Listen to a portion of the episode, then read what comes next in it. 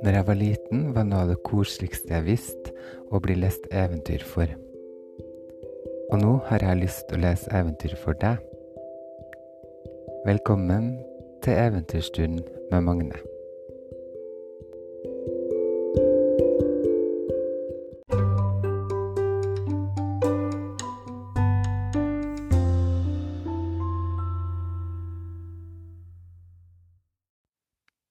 Nå skal du få høre historien om de røde skoene av Hans Christian Andersen.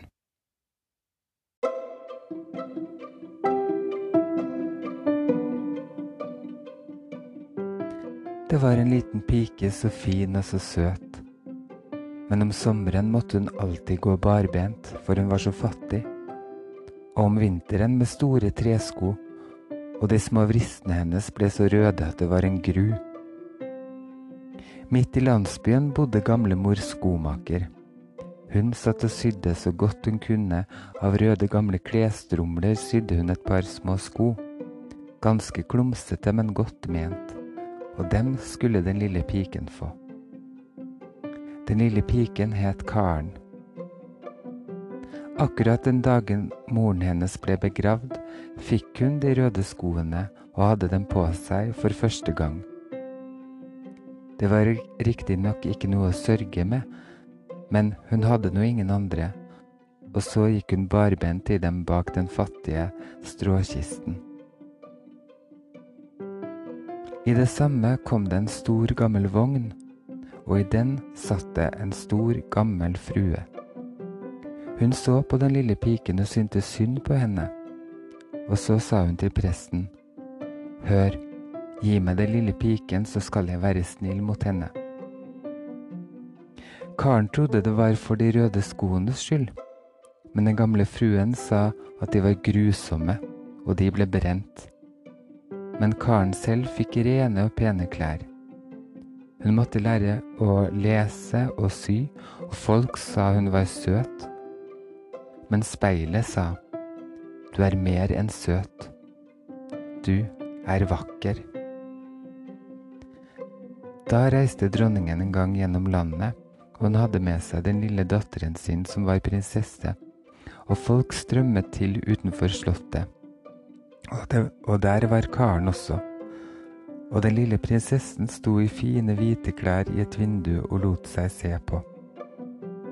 Hun hadde verken slep eller gullkrone, men vakre, røde safiansko. De var riktignok mye nettere enn dem mor skomaker hadde sydd til lille Karen. Det var ikke noe i verden som kom opp mot røde sko. Nå var Karen blitt så gammel at hun skulle konfirmeres. Nye klær fikk hun, og nye sko skulle hun også ha. Den rike skomakeren inne i byen tok mål av den lille foten hennes. Det var yndige sko og blanke støvler. Det tok seg nydelig ut. Men den gamle fruen hadde dårlig syn, så hun hadde ingen glede av det. Midt mellom skoene sto det et par røde, maken til den prinsessen hadde hatt. Så pene de var. Skomakeren sa også at de var sydd til et grevebarn, men det hadde ikke passet.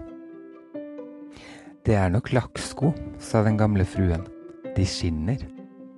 Ja, de skinner, sa karen. Og de passet, og de ble kjøpt. Men den gamle fruen visste ikke at de var røde, for hun ville aldri latt karen få lov til å gå i konfirmasjon i røde sko. Men det gjorde hun nå.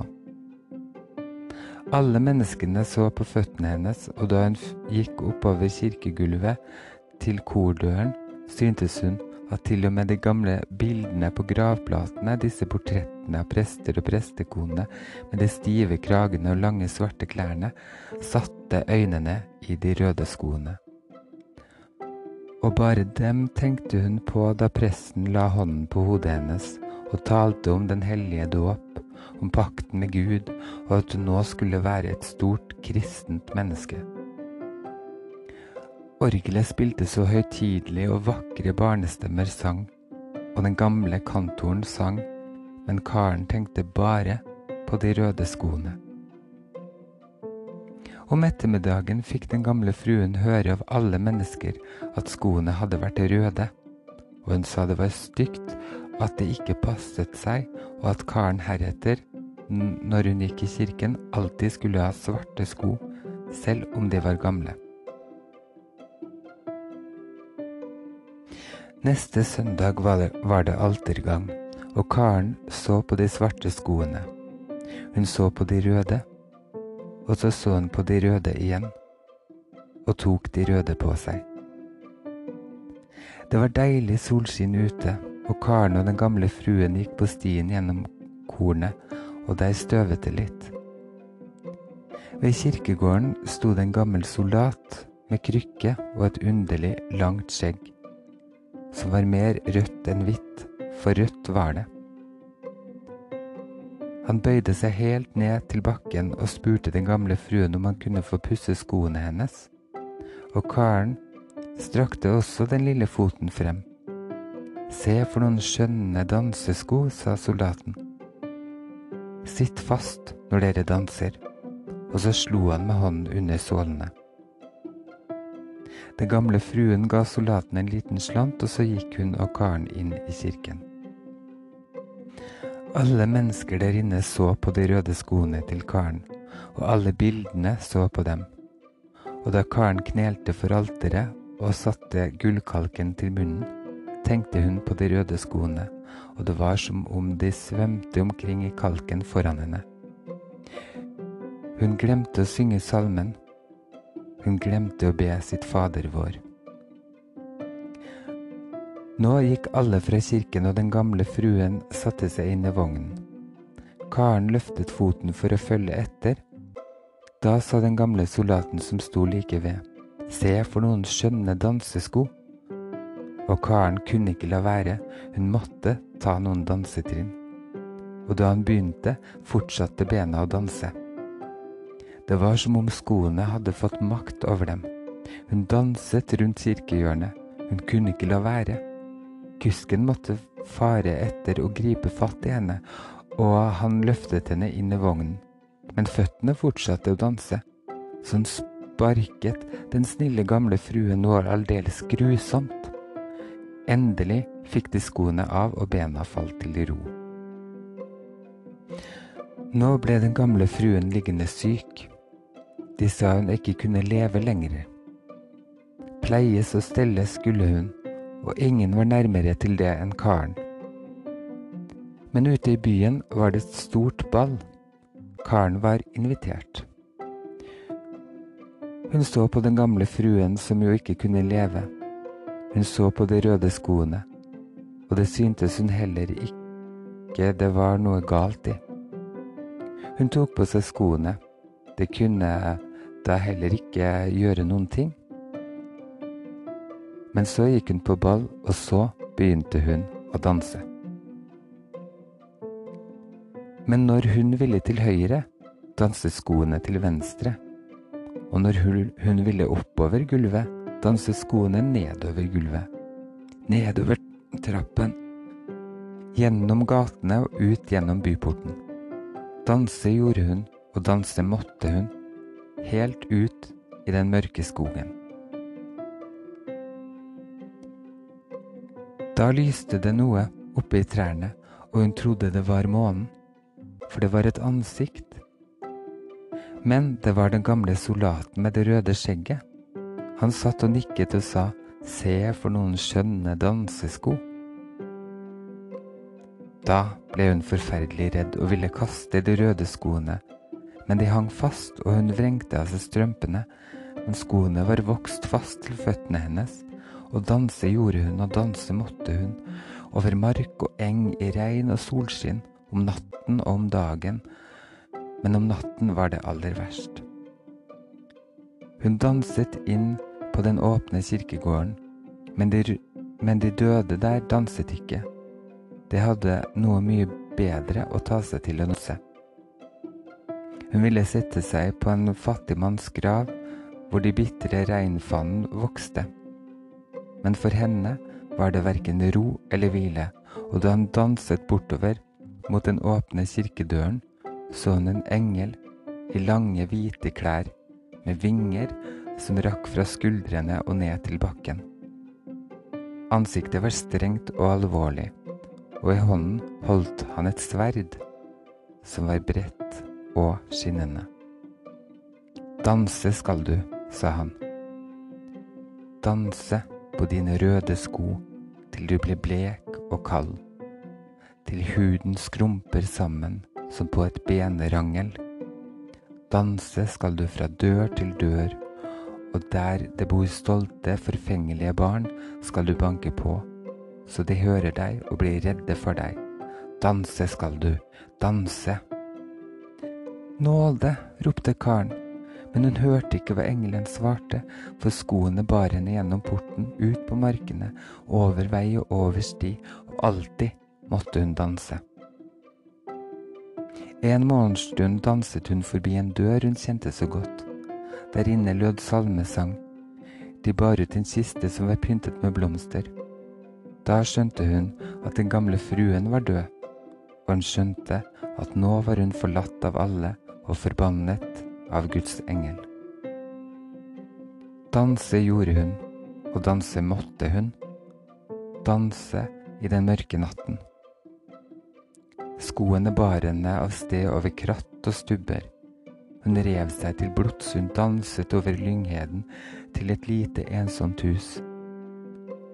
Her visste hun at skarpretteren bodde, og hun banket med fingrene på ruten og sa, Kom ut, kom ut, jeg kan ikke komme inn for jeg danser.